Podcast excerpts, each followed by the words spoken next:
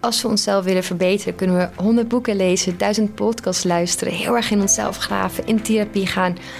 Maar het moeilijkste is natuurlijk gewoon feedback vragen aan andere mensen.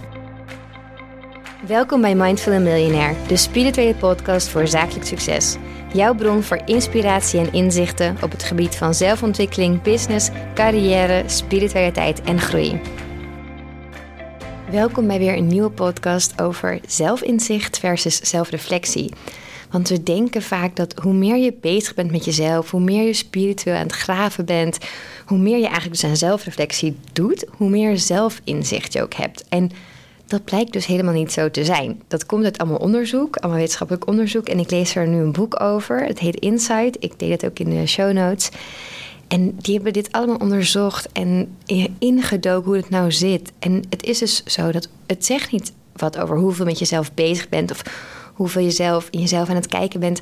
Daardoor hoef je niet meer zelf inzicht te krijgen. En ik vond dat zo waanzinnig interessant. Misschien denk je nu gelijk aan iemand van, oh ja, die is ook heel veel bezig met graven, met spiritualiteit, met zichzelf aan het kijken. Maar ik heb niet het gevoel dat die zichzelf heel goed kent. Want ik heb een heel ander beeld van diegene dan wat diegene van zichzelf heeft, bijvoorbeeld. En dat blijkt dus ook zo te zijn. Ik vond het echt zo'n zo'n tof boek, want het geeft je ook heel veel handvaten over hoe je wel meer zelfinzicht krijgt. En ook waarom zelfinzicht zo belangrijk is. Want je wordt er gewoon heel gelukkig van. En de mensen om jou heen ook. En dat is gewoon heel fijn. Ehm, dus ik dacht, ja, dit vind ik echt wel een podcast waardig onderwerp. Het is ook wel echt het snijvlak, vind ik, van spiritualiteit. Dus ja, je meer verbinden met jezelf. En aan de andere kant business, succes, omdat het je ook succesvoller maakt. Maar het is wel iets heel hoe zeg ik dat, oncomfortabel. Want je moet echt naar jezelf kijken, om feedback vragen en daarmee aan de slag gaan. En het is natuurlijk veel comfortabeler om te denken, ja, ik ben gewoon zoals ik ben en zo zou ik ook altijd zijn. Maar goed, daarom luister jij niet deze podcast. Ik ben niet zo geboren en ik hoop dat ik ook nooit zo ben. Dus daarom vond ik het wel een heel goed onderwerp. Dus ik wil wat inzichten, het heet ook insight, met jullie delen. Die ik heb opgehaald uit dit boek. En dan ook wat ja, persoonlijke inzicht over mezelf delen, hoe lastig ik dat soms ook vind. Maar omdat het dan misschien wat beter blijft hangen, dat je wat meer begrijpt hoe ik daarin sta, wat ik aan heb gehad. En het eerste wat echt is blijven hangen is, als je jezelf beter wilt leren kennen, als je meer zelfinzicht wilt vergaren, dan kun je beter geen waarom vragen stellen, maar beter wat vragen. En eerst dacht ik, hè, maar waarom vragen? Dat is toch wat je heel snel doet. Waarom ben ik zo? Waarom reageer ik zo? Waarom vind ik het vervelend? Dat is iets wat ik ook heel snel doe. En toen ging ik over nadenken. Maar waarom vragen? Daarmee schiet je heel snel in de verdediging naar jezelf, waardoor je in een soort slachtofferrol schiet. Terwijl als je kijkt naar wat vragen, dan kun je veel meer dingen oplossen, is veel oplossingsgerichter. Dus ik ben dat bij mezelf een beetje gaan gebruiken. En iets waar ik mee best wel zit, is dat ik kan heel erg dingen op de lange baan schuiven. Dan weet ik wel dat ik iets moet doen. Maar dat heb ik soms een gekke time management of een gek gevoel van prioriteit. En dan doe ik dingen niet waarvan ik eigenlijk weet dat ik ze wel moet doen. En dan stel ik ze uit tot op het laatste moment. En dan raak ik heel erg in de stress. En wat er dan gebeurt is dus zo interessant. Dan word ik heel erg boos op mezelf. Echt heel erg boos. Waarom doe ik dit nou elke keer weer? En ik ben ook zo vervelend. En waarom kan ik niet gewoon het dek doen? Waarom? Je hoort het al. Waarom? Waarom? Waarom? En dan ben ik daar zoveel mee bezig. Dat kost me mega veel energie. Mega mezelf aan het zeiken en balen van mezelf. Waardoor ik helemaal in die negatieve flow raak. Waardoor natuurlijk alles ook veel moeilijker wordt daarna. Dus ik schiet er niks meer op, dat weet ik ook. Maar toch ja, vraag, ga ik daar weer in. En ik blijf dan altijd hangen in die waarom vragen. Waarom overkomt mij dit? Waarom gebeurt het? Waarom doe ik dit? Ik kijk ook wel naar mezelf van waarom stel ik het uit? Waarom doe ik het niet direct? Maar goed, dat heeft nog niet zo heel erg veel geholpen. En toen dacht ik, ik kan ze dus ook omschakelen naar wat vragen. Ja, je ziet het al, die waarom vragen kom ik heel snel in zo'n slachtofferpositie. Van ja, waarom ben ik ook zo? Eh, dan ga ik een beetje zo. Eh, en ja, ik schiet er niks mee op. Als ik nou ombuig naar wat vragen. Wat kan ik de volgende keer anders doen? Wat gebeurde er toen ik laat begon? Wat voelde ik toen?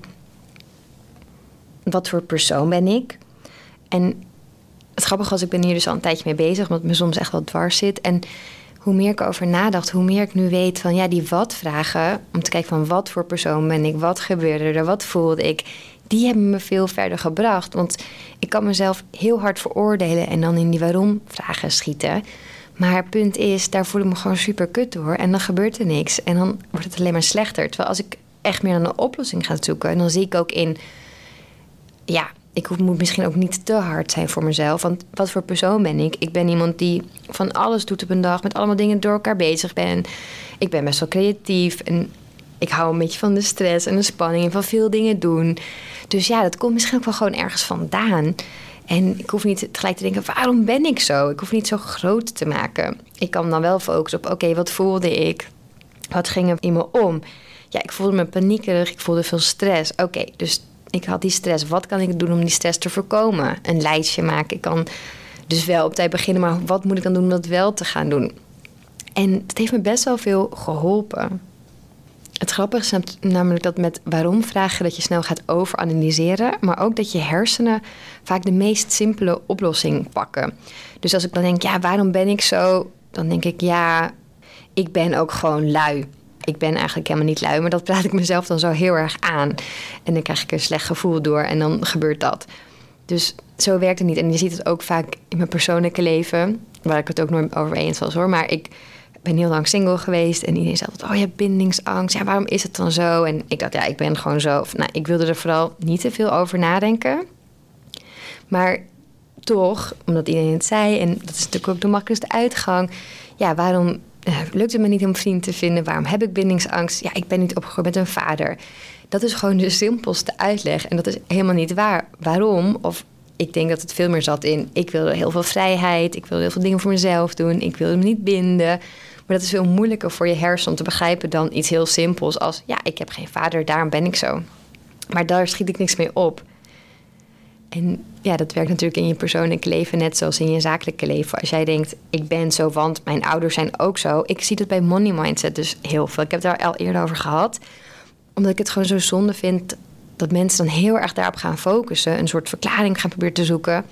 Terwijl je ook kunt gaan kijken, wat kan ik doen om het nu te verbeteren? En toen ik idee kreeg van het idee van money mindset, ben ik dat ook gaan doen. Want ik dacht, ja, ik vind het best wel lastig om geld uit te geven soms. Op dan kleine dingen ga ik erop bezuinigen, waardoor het leven gewoon minder makkelijk wordt. En wat niet nodig ook is als je naar mijn financiële situatie krijgt. Dus hm, er zit iets niet helemaal lekker in die money mindset. En dan kan ik helemaal in gaan duiken. Ja, waarom ben ik zo? Ik ben opgegroeid in de bijstand. Vroeger was niet altijd geld.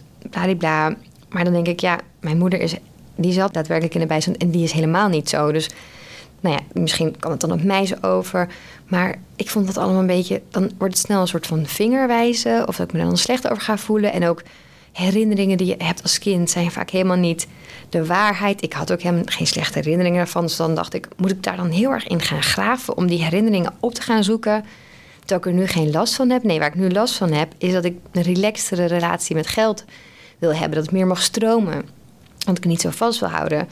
Dus toen ben ik ook heel bewust, voordat ik het boek had gelezen, gaan kijken van oké, wat kan ik nu doen om me er beter door te voelen? Wat doe ik op dat soort momenten? Wat denk ik dan? Wat voor emoties heb ik? Wat voor persoon wil ik zijn? En wat voor persoon ben ik nu? Dus grappig dat ik over die money mindset daar ook al zo heel erg op die wat-vragen zag. Wel een kanttekening, ook uit het boek, maar iets wat ook al direct in me opkwam was intiem. Bijvoorbeeld als je kijkt op werk en je, je staat boven een team of je zit in een team of je hebt mensen samen, dan gaat er wel eens iets mis. En dan natuurlijk kijk je van wat is er misgegaan, wat kunnen we doen om het op te lossen. Maar bij zulke soort samenwerkingen is het wel vaak handig om te kijken waarom is het misgegaan. Want dan kom je tot een soort root cause. Dan, dan denk je van, oh, dit is misgegaan omdat er hier, weet je, hier een slechte communicatie of deze persoon vertrouwt deze persoon niet zo. Of hier gaat iets niet goed, er moeten zo te veel handelingen worden verricht. Dus dan is het wel goed om te kijken naar het waarom. Maar als je puur naar jezelf kijkt, dus echt in jezelf wilt gaan graven, dan kun je beter wat vragen aan jezelf gaan stellen. Nog een ander inzicht dat ik heel fijn vond uit het boek is, ging over feedback. Dat je feedback echt gericht moet vragen. En dat is soms heel erg lastig, want ja, je wilt dat je iets krijgt dat je kunt verbeteren. Dus dat gaat iets negatiefs zijn, niet kritisch. En dat willen we liever niet van onszelf horen.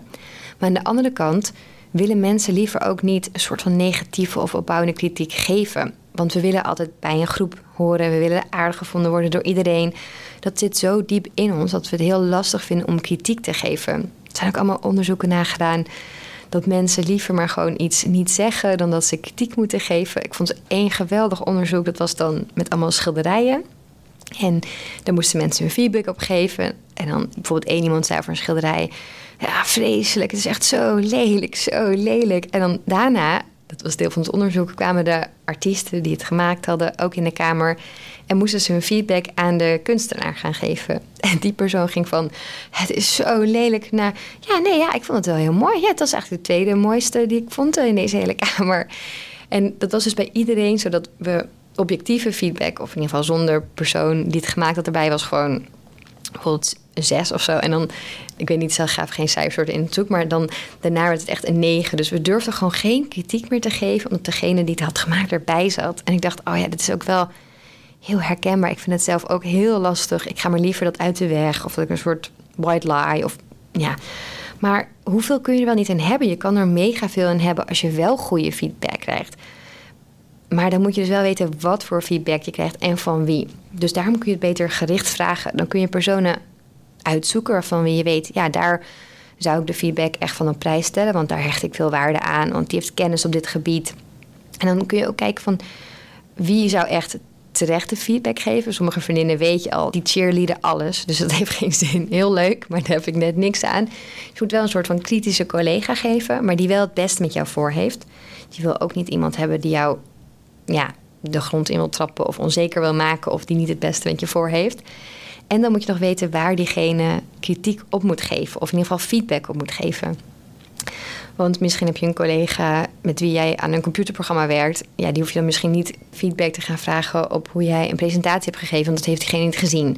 Dus je moet wel kijken van oké, heeft deze persoon een beetje inzicht in wat ik doe en heeft hij daar ook verstand van om daar feedback op te geven?